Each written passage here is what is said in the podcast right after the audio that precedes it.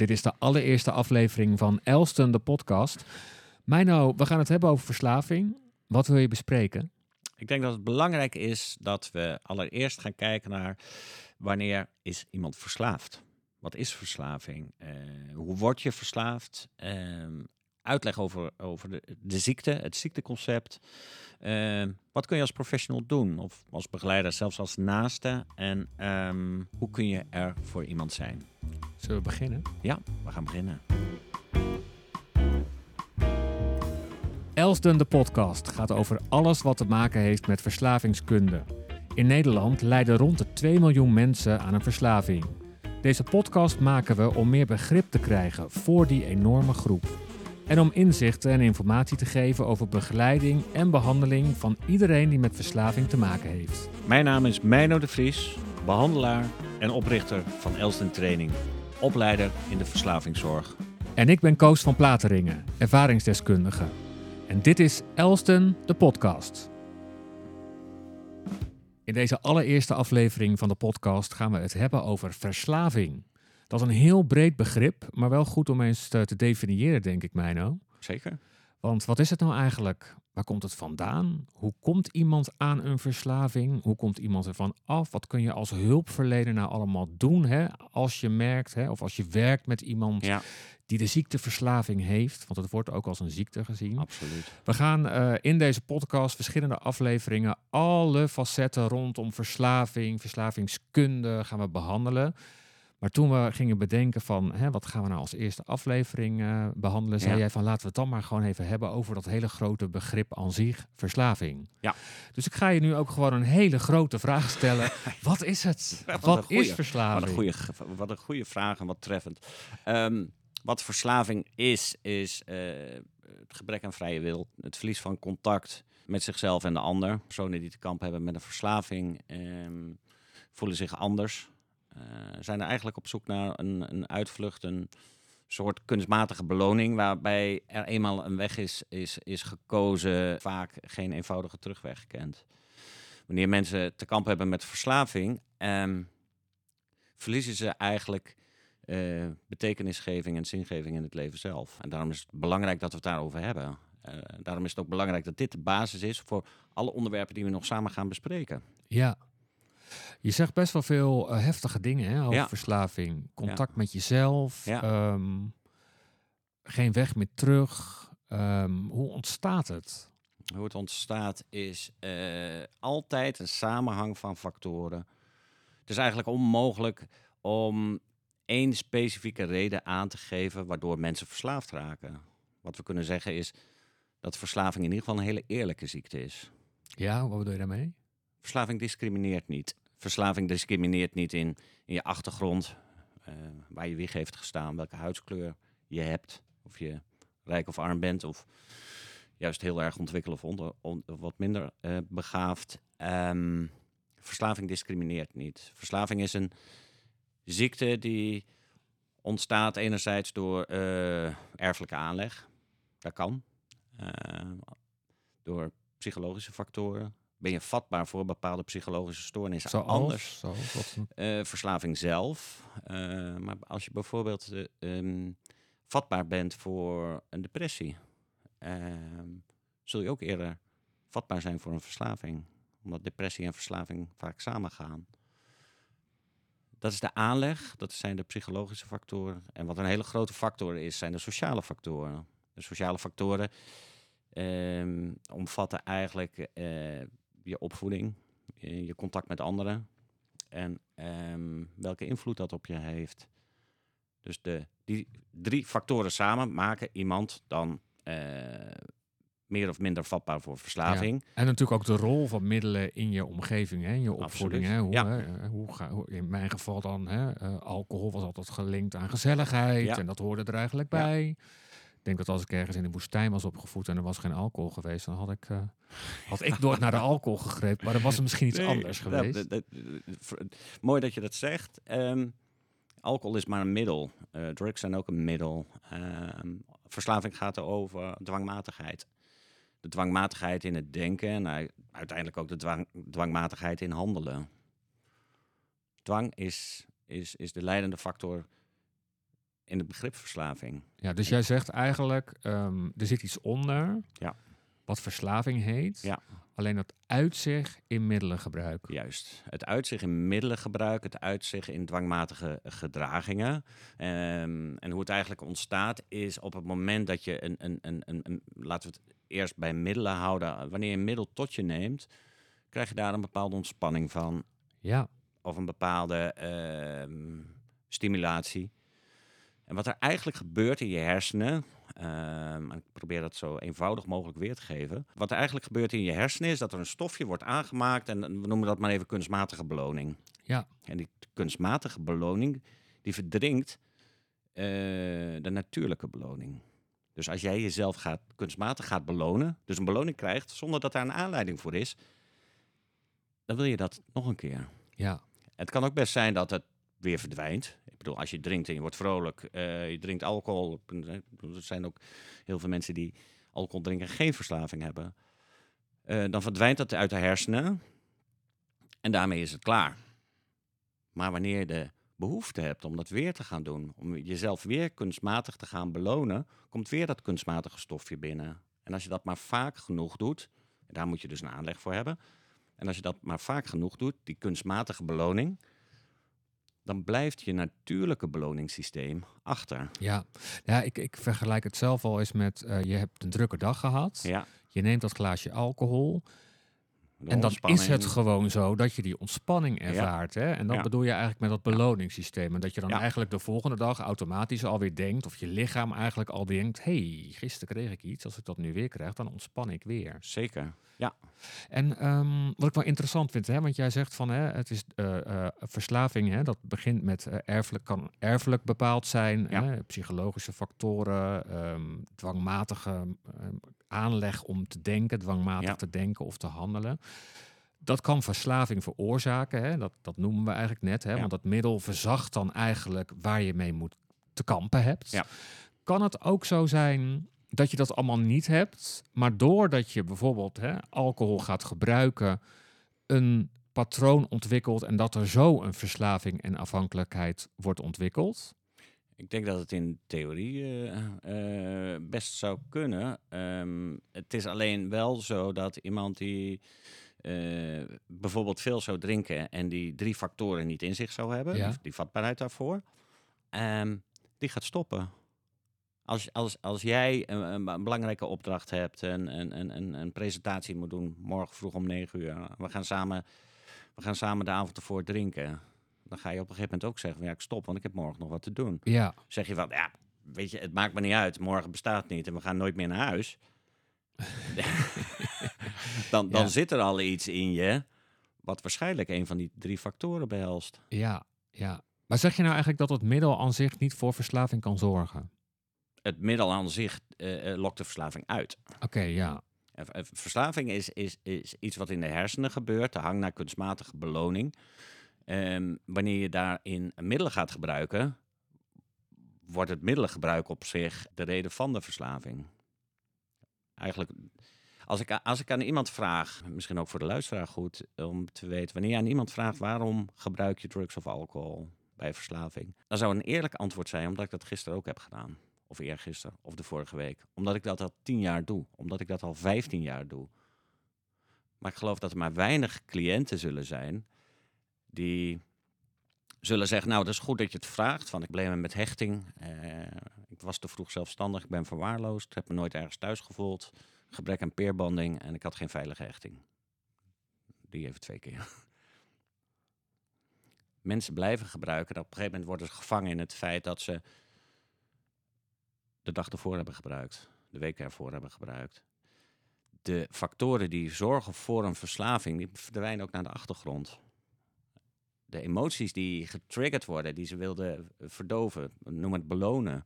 Het zit puur in de hersenen. Ehm, die verdwijnen naar de achtergrond. En uiteindelijk is er een behandeling of begeleiding nodig om erachter te komen waar begon het nou en hoe ga je er vandaag de dag mee om. Ja, want eh, het is nooit een keus geweest. Hè? Het is allemaal op onbewust niveau dat iemand gaat gebruiken. Dat wordt meer. En voordat je het weet zit je eigenlijk, ja, verdrink je er eigenlijk bijna letterlijk en figuurlijk in. Ja. En is er, wat jij net aan het begin van de podcast ook al zegt, geen weg meer terug. Er is geen weg meer terug. Die kunstmatige, eh, die, kunstmatige beloning, ik wil dat woord vandaag eens even gaan gebruiken. Die kunstmatige beloning neemt de plek in van alle natuurlijke beloning. Die kunstmatige beloning vindt vind, vind plaats in, in, in, in cellen, en, heel ingewikkeld. Ehm, maar die werken op receptoren. Dus de receptoren die ontvangen uh, beloningsstofjes en het, de drugs, de alcohol of het dwangmatige gedrag zorgt voor die kunstmatige beloning. En uiteindelijk worden mensen daar afhankelijk van. Sterker nog, het wordt een primaire levensbehoefte. Er gaat iets geks in de hersenen gebeuren, waarbij, in, uh, waarbij het de voorrang krijgt op primaire levensbehoeften. Boven uh, relaties, boven onderdak, zelfs boven voeding. Dat gebeurt in de hersenen. Die receptoren die wennen daaraan. En receptoren communiceren ook met andere receptoren. Dus in dat hele brein wordt gebruik nummer 1, 2 en 3 in je leven.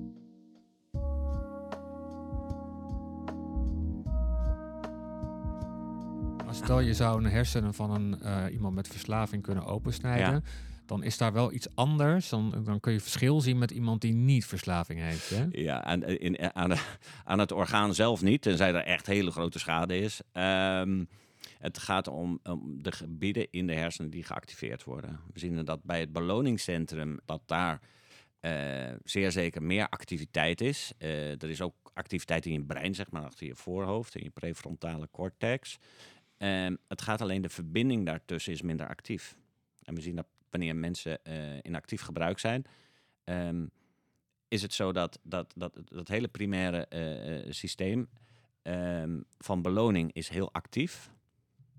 Alleen het rationele brein, de, uh, het gedeelte van de hersenen wat zegt van goh, joh, dit moet je niet doen, want dat is niet goed voor je, die wint het niet. Die verslaving is veel groter, die verslaving is veel sterker en die zal ook winnen. Dat is, dat is een biologisch gegeven. Ja, ja ik heb bij jou, de, de bij jullie de cursus, ja. de, de opleiding Verslavingskunde 1 uh, gevolgd en daar wordt dat helemaal ook uitgelegd, hè? hoe je dan uh, de secretaresse, laat maar zeggen, ja, die ja, in, ja, de, amygdala, hoe heet ze? Uh, nou, de, de, de, amygdala is, is, is waar eigenlijk de prikkels binnenkomen, eenvoudig gesteld, waarbij er een, een, een, een pluis niet pluis, uh, veilig onveilig wordt uh, beoordeeld. Um, waarbij in, het, in, in, de hippocampus wordt gekeken van bij welke herinnering hoort dit. Ja. Daar, zo ontstaan ook triggers. Uh, triggers. triggers zijn um, mensen plaatsen dingen, geuren, geluiden, voorwerpen die voor een, een, een niet verslaafd iemand Um, helemaal niks met gebruik te maken hebben. Dat kan een flesje water zijn uit de sportschool. Dat kan een uh, afslag zijn op de snelweg die, die iemand nam om uh, in ieder geval uh, even een omweg naar huis te maken en onderweg nog iets te gebruiken. Ja, bij mij is het muziek uit de jaren negentig bijvoorbeeld. 90? Dat was ook wel de opkomst van... Uh, je was toch geen gabber? Ik was geen gabber, maar wel die muziek dat was om ongeremd drinken. En, en ongeremd, doen, ja. ja. Ja. Um, ja, nog heel even naar die hersenen, want ja. dat vond ik zo interessant ja. en ook eigenlijk wel heel schokkend. Uh, is dat je natuurlijk in je hersenen, en volgens mij was dat dan die, ik dacht dat dat de amygdala was, maar goed, volgens mij is de naam ook de secretaresse. Die Ja. beoordeelt, uh, je hebt een prikkel Ja. en gedrag en daar zit iets tussen. Ja. En dat is de secretaresse, heb ik bij, bij jullie geleerd. Ja. En die beoordeelt van, hey, is er het gedrag wat ik wil vertonen, is dat nu handig of is dat niet handig? Ja. En dat is bij mensen met verslaving minder en dat wordt ook steeds minder en dat kan ook helemaal weg zijn. Hè? Ja. Dus eigenlijk is het meteen de prikkel die overgaat in de handeling zonder dat je bewust bent van is het nou, is het nou gezond wat Ja. ik nu ga doen? Nou, je hebt het nog heel goed onthouden. En dat vond ik, eh, dat vond ik eigenlijk best ook wel schokkend en Ja. ook wel eh, verhelderend voor mij, ook om te weten in mijn, eh, ik help mensen die van de alcohol af willen, om Ja. dat ook te bespreken Ja. van, hè, dat je ook dat daar ruimte kunnen tussen kan gaan ontstaan tussen de prikkel, hè, de emotie en het gebruik. Want Ja. dat is wat je eigenlijk in zo'n behandeling dan doet. Ehm, ja, dat is, dat is interessant. En waarom vind je het zo belangrijk om alcohol, eh, of tenminste verslaving moet ik zeggen, eh, neer te zetten als een ziekte? Ehm, nou, dat, daar is eigenlijk een heel kort antwoord op, omdat het een ziekte is. Het is een ziekte waarbij eh, primaire levensbehoeften plaats krijgen van gebruik. Verslaving wordt een primaire levensbehoefte. Die, verbinding met de prefrontale cortex, je brein, die eigenlijk waarschuwt eh, van, goh joh, eh, dat moet je niet doen, want je hebt nog verantwoordelijkheden, we, we, we- weet de implicaties, weet de gevolgen, weet de consequenties. Dat brein werkt wel, Het gevoelsleven werkt wel, maar de verbinding daartussen, daar heb je jouw secretaresse, die loopt niet meer heen en weer. Dat gedeelte tussen voor en, en, en, en het midden van je brein, van de hersenen, is, is verstoord. Daar is een lage activiteit waardoor er niet goed wordt gerelativeerd en niet goed wordt overwogen. Nou, dit is natuurlijk een hele schematische weergave. Onthoud deze even met uh, die kunstmatige beloningsstofjes, die eigenlijk de plek innemen van alles wat natuurlijk is. Uh, dan hebben we het redelijk in normale mensentaal uitgelegd. Waarom het een ziekte is, is omdat het anti-evolutionair is. Het gaat, tegen, het gaat tegen de natuur in. Mensen met een verslaving zijn zichzelf bezig te vernietigen. En dat is niet natuurlijk.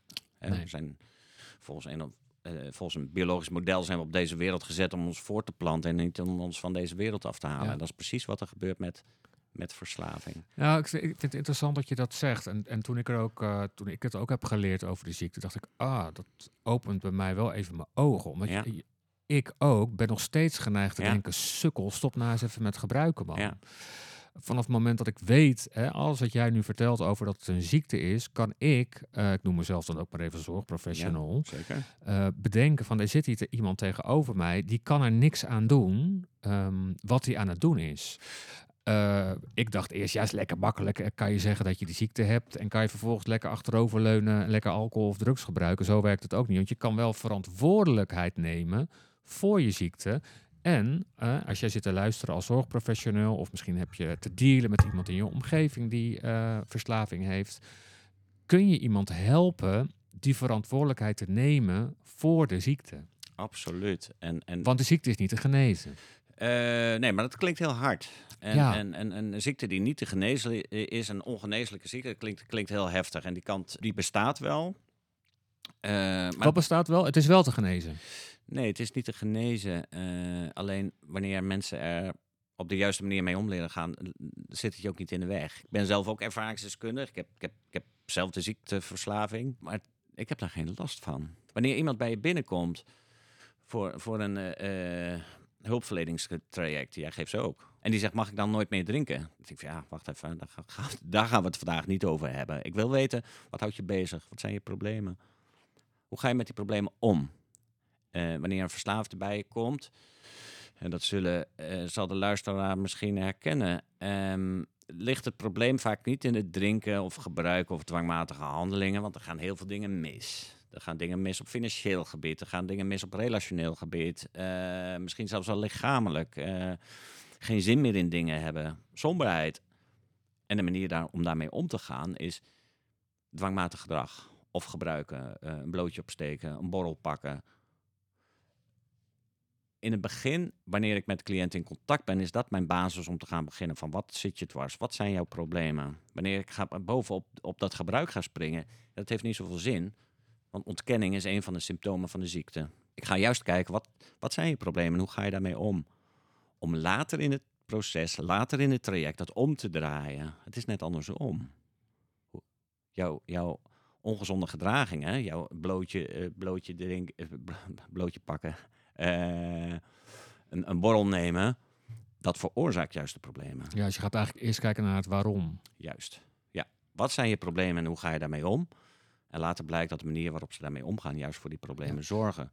Het, het ziekteconcept uh, ja, het klinkt allemaal zwaar, het klinkt allemaal heel heftig. Maar in de, in, in, in de DSM, hè, Diagnostic uh, Statistic Manual of Mental Disorders, een hele mond vol, is, is een overzicht uh, van psychiatrische stoornissen. Nou, ik wil niet zeggen dat ik een hele grote voorstander van dat boek ben, of beter gezegd het onjuiste gebruik van het boek.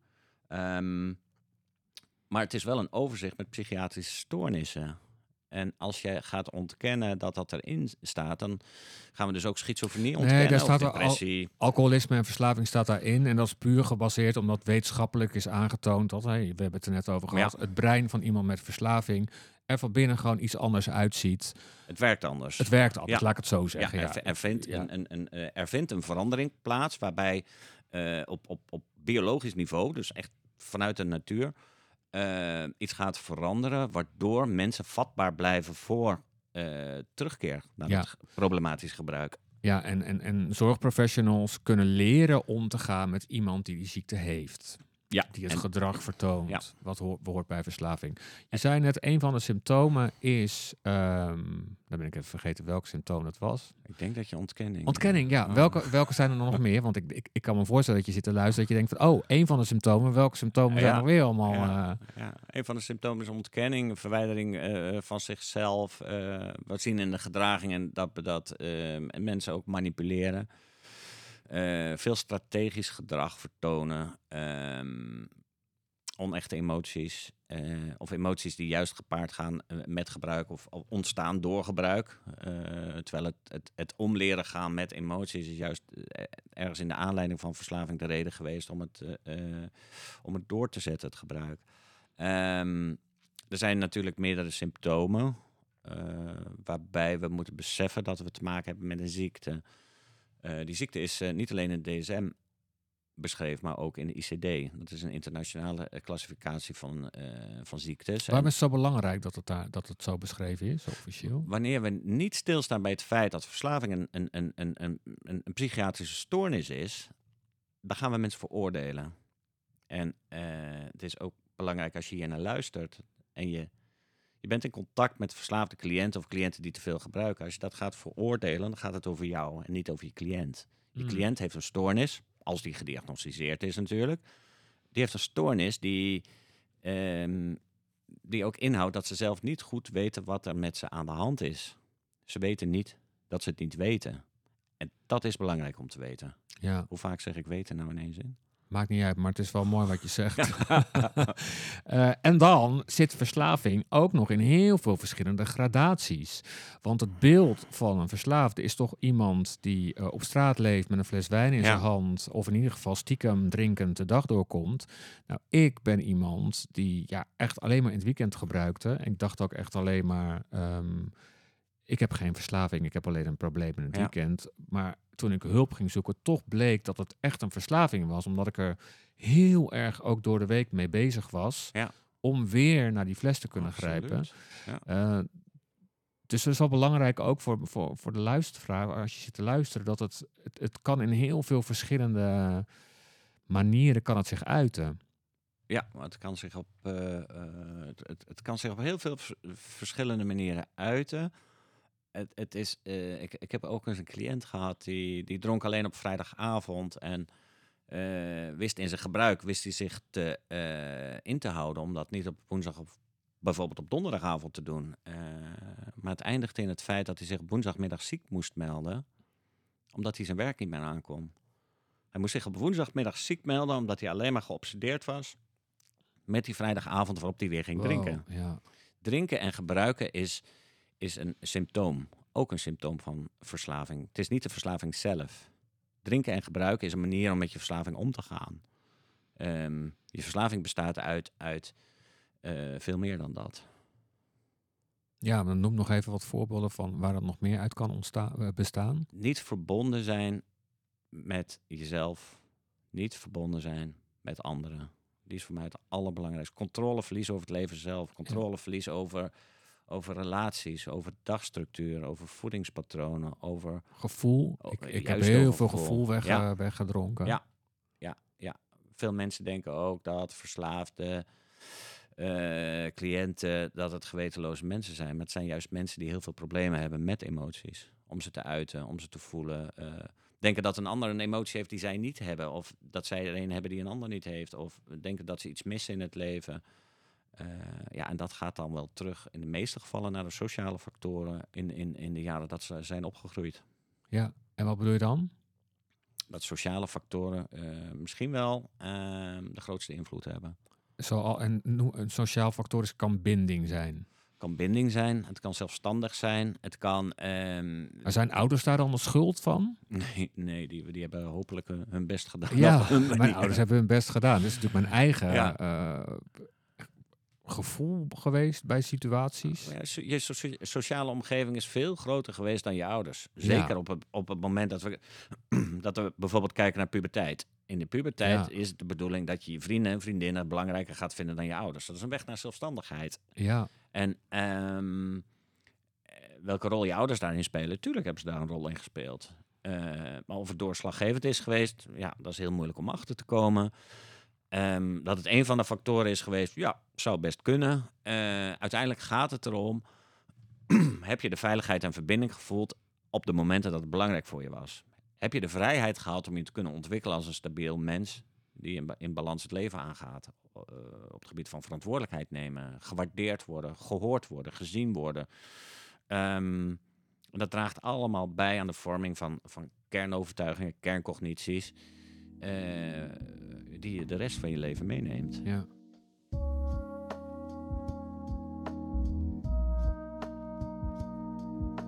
Is een, ehm, er zijn natuurlijk verschillende middelen hè? en ook ehm, nou ja, gokverslaving, dat is Ja. niet eens zoiets. eh, eh, Dan neem je geen middel tot Nee. je, en net zoals een seks, liefde en aandacht. Ja. maar ehm, zijn daar gradaties in? Is iemand die aan de cocaïne verslaafd, is dat heftiger dan iemand die aan de alcohol verslaafd is of aan wiet? Is dat, is dat, kan je allemaal, al die verslaafden... Het is net of ik het over een rare, Al die rare verslaafden. Mensen met een verslaving, kan je die allemaal ehm, op dezelfde manier behandelen? Of heeft iemand met een cocaïneverslaving een groter probleem dan iemand? Ik, ik denk dat eh, wanneer je eh, praat met mensen over verslaving, is het ook heel goed om het eh, niet specifiek alleen maar over een middel te hebben. Ik, ik zit even op een heel ander denkspoor. Waarom, waarom gaan we niet kijken van wie ben je? In plaats van wat heb je of wat heb je gebruikt? Dat komt wel. Ik wil graag weten waar, waar, waar iemand eh, heeft gebruikt. Ja, eh, hoeveel iemand heeft het is gebruikt. echt een hele persoonsgerichte aanpak eigenlijk. Een persoonsgerichte aanpak waarbij het, eh, het gedetailleerde gebruik komt toch wel aan de orde. Ja. Maar ik wil eerst weten, waar heb je last van? Wie ben je? Waar kom je vandaan? Ehm, hoe voel je je? Waar loop je tegenaan? Waar leid je onder? Dat vind ik veel belangrijker eh, dan te focussen op, op het middelengebruik. Wanneer we focussen op middelengebruik, eh, dan gaat het alleen om het middel. En wanneer je daarvan af bent, is- zou alles weer prima worden. Ja, Maar dat is niet zo. nee. Het middelengebruik is een onderdeel. We zullen dat ze- zeker niet uitvlakken. Ik bedoel, begrijp je niet verkeerd. Het is niet, niet zo dat we in, eh, in opleidingen of behandelingen ehm, het, het middel ongemoeid laten. Sterker nog, we willen dat weten. Ehm, maar het middel was een manier om met, met zichzelf om te gaan. Dat zal de luisteraar misschien herkennen dat eh, ook, ook binnen de motiverende gespreksvoering je altijd op zoek gaat van waarom, waarom gebruikte je dat? Onder welke omstandigheden? Onder welke omstandigheden gebruikte je een middel? En wat veranderde dat middel eigenlijk aan die omstandigheid? Kreeg je er emoties bij die er eerst niet waren? Gaan er emoties af die er, eh, eh, gaan er emoties af die er eerder wel waren? Zijn er emoties die gelijk zijn gebleven? Hoop je op emoties, maar zijn die er helemaal niet bijgekomen? Dat is een verdieping in de motiverende gespreksvoering. Ik wil Ja. graag weten, wat gebeurt er? Waarom neem je dat? Onder welke Ja. omstandigheden? En dat iemand op een gegeven moment verstrikt in, in, in 24-7 gebruik, ja, dat snap ik heel goed. heb ik zelf ook gedaan. Ja. Motiverende gespreksvoering. Ja. Een bekende term. ehm, ja, ik heb het geleerd tijdens mijn wou net opleiding hier bij Elsden. Ja, ga jij het mij Ehm, uitleggen? maar vertel. Ja. oh, ik zal het vertellen. Motiverende gespreksvoering is, is, eh, is, is, is de leidende gesprekstechniek binnen de eh, verslavingskunde. En waarom? Omdat we daarin iemand leren kennen. We zetten iemand nog niet aan tot actie. We leren iemand kennen. Iemand leert zichzelf ook kennen. En eh, we gaan op zoek naar eh, de voorbereiding eigenlijk op een besluit. Als, we gaan, als ik een, een cliënt ga adviseren van, weet je, eh, je snapt zelf wel dat het hartstikke ongezond is. Eh, ik heb het zelf ook jaren gedaan. Rugrecht, niet meer doen, maar je gaat eraan. Punt. Nou, misschien helpt dat wel. Maar iemand heeft zelf geen, geen, geen, geen leerproces. Ik wil iemand in een leerproces zetten. Een leerproces om beter met zichzelf om te gaan, betere keuzes te maken. Eh, maar daarvoor moet iemand zichzelf eerst veel beter leren kennen. Ja, het is eigenlijk het heel erg, het, als ik het mag aanvullen, het, het bewust worden van wat ben ik nu eigenlijk aan het doen in mijn leven met dat middel. En eh, waar ben ik eigenlijk op uit? En Ja. dient het middel mij nog? Wat zijn Ja. de voordelen? Wat zijn de nadelen? Ja. Dat je eigenlijk een soort blauwdruk krijgt van ik als persoon en het middel wat ik gebruik.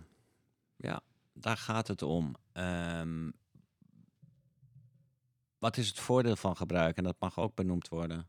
Als je bijvoorbeeld kijkt naar de zelfhulpgroepen, daar, daar ehm, eh, de, in de zelfhulpgroepen eh, is, bestaat er wel een sterke voorkeur om niet te gaan eh, benoemen wat je hebt gebruikt, waar en met wie. Ehm, binnen de motiverende gespreksvoering wil ik dat graag wel weten.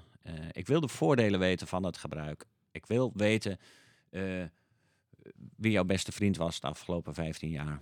Want dat was degene die altijd bij je was als je je goed voelde. Dat was degene die bij je was als je je slecht voelde. Dat was degene die er altijd was. Sterker nog, de, de drug, de, al, de alcohol of het dwangmatige gedrag was degene die jou beter kende dan jij jezelf op momenten dat het niet goed met je ging. Ja. En als je daar niet over mag praten, dan wordt het ook heel erg moeilijk om in herstel te komen. Ja. Dus ik wil graag weten, wat waren de voordelen van het gebruik? Wat was er zo lekker aan op korte termijn? Ehm, waarom had je het nodig? Om vervolgens door te schakelen naar wat waren de nadelen daarvan op korte termijn? Ehm, in het gespreksmodel gaan we ook, ook door naar de nadelen op de lange termijn. Om uiteindelijk te komen tot het beschrijven van de voordelen op lange termijn. En als wij ons werk als hulpverleners goed doen, is er geen enkele cliënt die antwoord kan geven op die laatste vraag. Wat zijn de voordelen van jouw gebruik op lange termijn? Ja. En daar wil ik heen. ja. Mooi, Mino. En dan komen we eigenlijk ehm, bijna al in aflevering 2 terecht Dan gaat snel. over herstel. Ja. Ja. Wil je nog meer kwijt over eh, verslaving? Ik Is denk dat we daar, ehm, ik denk dat we daar heel, heel lang over, eh, over, kunnen, eh, over kunnen spreken. Ik denk dat het ook heel goed is om, om, om te gaan kijken wat, ehm, wat kan jij als luisteraar nou doen wanneer je iemand tegenkomt die, waarvan je denkt dat hij een verslaving heeft Ja. of die een verslavingsprobleem heeft en daar eerlijk voor uitkomt. Ehm, mensen die een verslavingsprobleem hebben en daar eerlijk voor uitkomen, die zijn eigenlijk al een heel eind. Die hebben het inzicht al. Veel mensen hebben dat ook nog niet. Ehm, wanneer, je, wanneer je geen professional bent en je denkt dat iemand een verslaving heeft, spreek dan van, altijd vanuit jezelf. Zeg niet van, ik- je, je, je hebt, je hebt een probleem, maar praat liever in termen als, ik maak me zorgen over je. Daarmee hou je het bij jezelf en kan de ander wat moeilijker in ontkenning schieten. Ehm, hè, wat, wat de ander ook terugzegt, eh, het blijft de beleving van degene die, die het uitspreekt. Als, eh, dat is best wel, ehm, lijkt me moeilijk om dat, om dat aan te snijden. Het is, eh, het is het, ja, ik zeg wel ja. Eh, maar ik heb het makkelijk, want de mensen komen naar mij toe. Ja. Eigenlijk is het helemaal niet moeilijk. Ja, voor naast is het moeilijk, maar soms is het voor een professional ook moeilijk. De luisteren ook professionals. nou, een collega eh, aanspreken. Ja. Ja, maar als jij je zorgen maakt, over wie gaat het dan? Nou, gaat, dat gaat over mij. Juist. Jij maakt je zorgen over de ander. Dus dat kan je gewoon uiten, zeg je. Dat kun je uiten. En, eh, Dan zegt diegene ineens niks aan de hand, hoezo? Oké, maar ik maak me zorgen. Ik maak me zorgen over jou. Ik maak me zorgen over je gebruik. Ja. Daar help je iemand mee. En dan mag iemand mee doen wat hij wil. Wanneer je, eh, wanneer je kijkt dat een gemiddelde eh, cliënt pas na een jaar of tien hulp, hulp Oh ja dat, ja, dat klopt. Hè. Mensen gaan pas na gemiddeld tien jaar Ja. ehm, echt hulp zoeken, ja. En als, als er iemand is die eh, het beste met je... voor- De mensen die het beste met ze voor hebben... Als nou even ze te zeggen, maar daar val ik zelf ook onder. Ik heb, ik heb ook eh, meer dan twintig jaar lang gebruikt. Eh, de mensen die het beste met je voor hebben, zeggen niet de leukste dingen. Nee. Maar het zijn wel de dingen die je nodig hebt. Ehm, daar is geduld voor nodig. En, en dat wil ik de luisteraar ook op meegeven. Wanneer je een cliënt hebt of, of een naaste die, ehm, waarvan je denkt dat, het, dat er verslaving een grote rol speelt. Heb geduld, heb geduld. Die verslaving is niet in één dag ontstaan en die zal zeker ook niet in één dag verdwijnen. Ehm, het inzicht is er bijna niet. En dat is ook een van de symptomen. Wat betekent dat iemand eerst zal moeten veranderen en daarna pas het inzicht zal eh, krijgen wat er eigenlijk aan de Ja. hand is. Dat hele beloningssysteem is, is, is, is eh, zo beïnvloed dat herstel best een lange weg is. Ehm, Nou, ik ben nu ver- bijna zes jaar bezig en Ja. het is nog steeds een, eh, een ongoing proces. Het is een ongoing proces, maar misschien ervaar je ook wel dat het ook wel makkelijker wordt af en toe.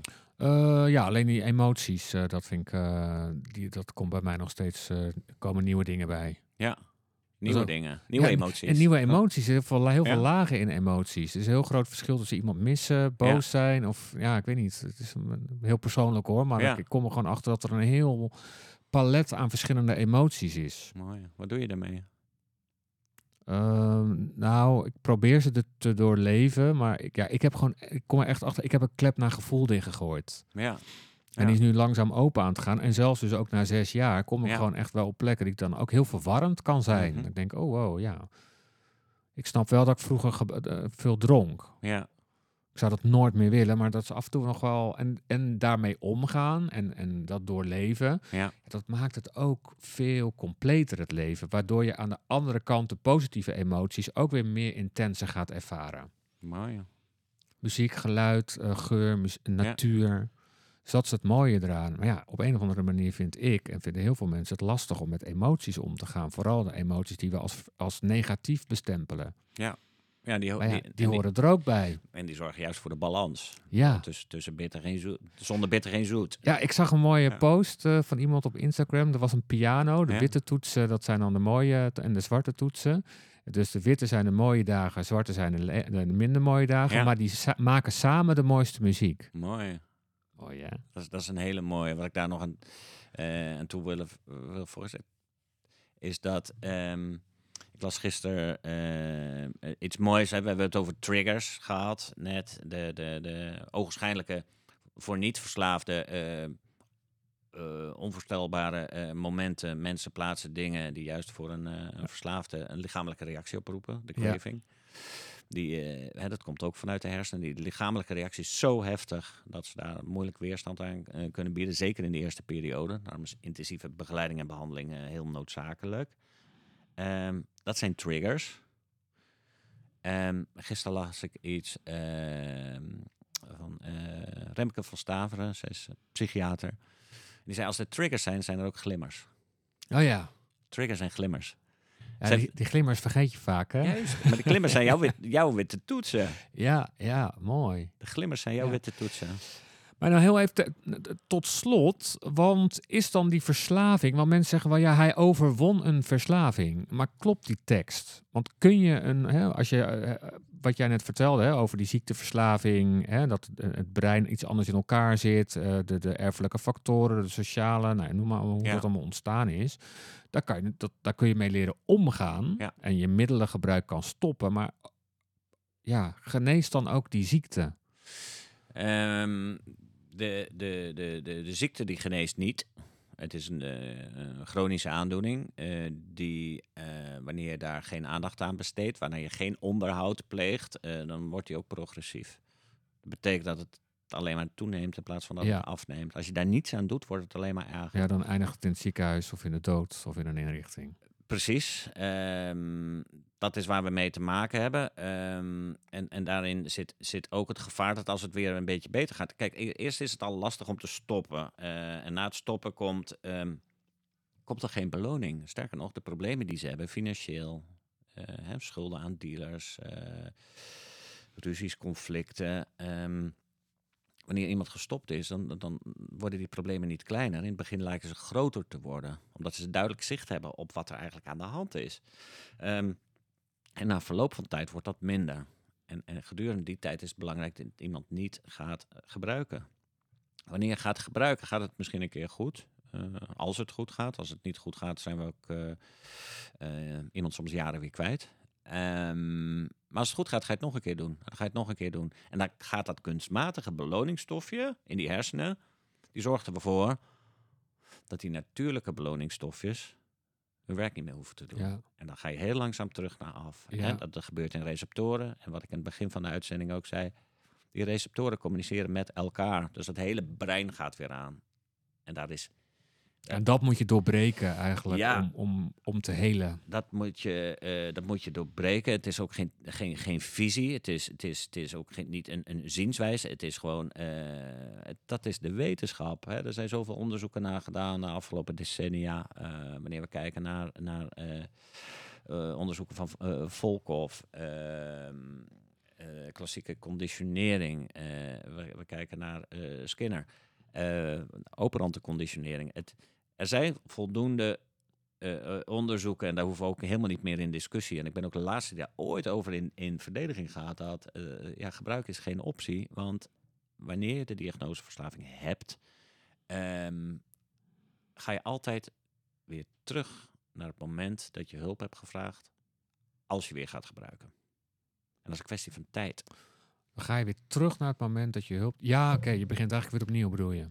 Uiteindelijk, je gaat steeds weer verder terug in de tijd. Hè. We hebben eh, eh, Pavlov, Skinner, Volkov, al die onderzoeken die zijn gedaan. Dat brein, dat, is, eh, dat ziet er niet zozeer anders uit, maar het werkt op een andere Ja. manier. De activatie van verschillende hersengebieden wordt steeds minder op het moment dat verslaafden, mensen met een verslavingsprobleem, weer middelen gaan gebruiken of, of toe gaan geven aan hun problematische gedrag. Ehm, gaat het één keer goed, dan heb je nog een extra reden om het weer te gaan doen. En, en zeg maar dat kunstmatige beloningsstof, je krijgt weer de overhand in de hersenen. Ja. Het is even een hele simpele weergave, maar ik denk wel dat het heel helder weergeeft wat er gebeurt. Maar nou, we hebben veel besproken over eh, verslaving. Ja. We zouden nog eh, anderhalf uur hierover door kunnen gaan. Misschien Nou, nog zelfs nog doen? langer. Ehm, volgende aflevering gaan we het hebben over eh, abstinentie en herstel. Ja. Waarom vond je dat zo belangrijk om te bespreken? Omdat, omdat het twee verschillende eh, begrippen zijn. Clean worden is niet zo ingewikkeld. Abstinentie, stoppen. Stoppen kan iedereen. Gestopt blijven is, eh, is een grotere uitdaging. En gestopt blijven eh, op, op wilskracht wordt op een gegeven moment pijnlijk. Ja, Terwijl herstel juist iets fijns brengt, iets volledigs, iets betekenisvols. ja. Ja eigenlijk, eigenlijk leren omgaan met al die dingen die de oorzaak zijn geweest van je gebruik. een nieuw leven in je eigen leven leren leven met die akelige term. Dan mag ik zeker nooit meer gebruiken. Ja, dat, dat is iets wat eh, op een gegeven moment geen rol meer speelt. En die vrijheid gun ik iedereen. dat hoor je allemaal in de volgende nieuwe aflevering van Elston, de podcast. Wil je meer weten over de opleidingen van Elston Training? Kijk op elston.nl.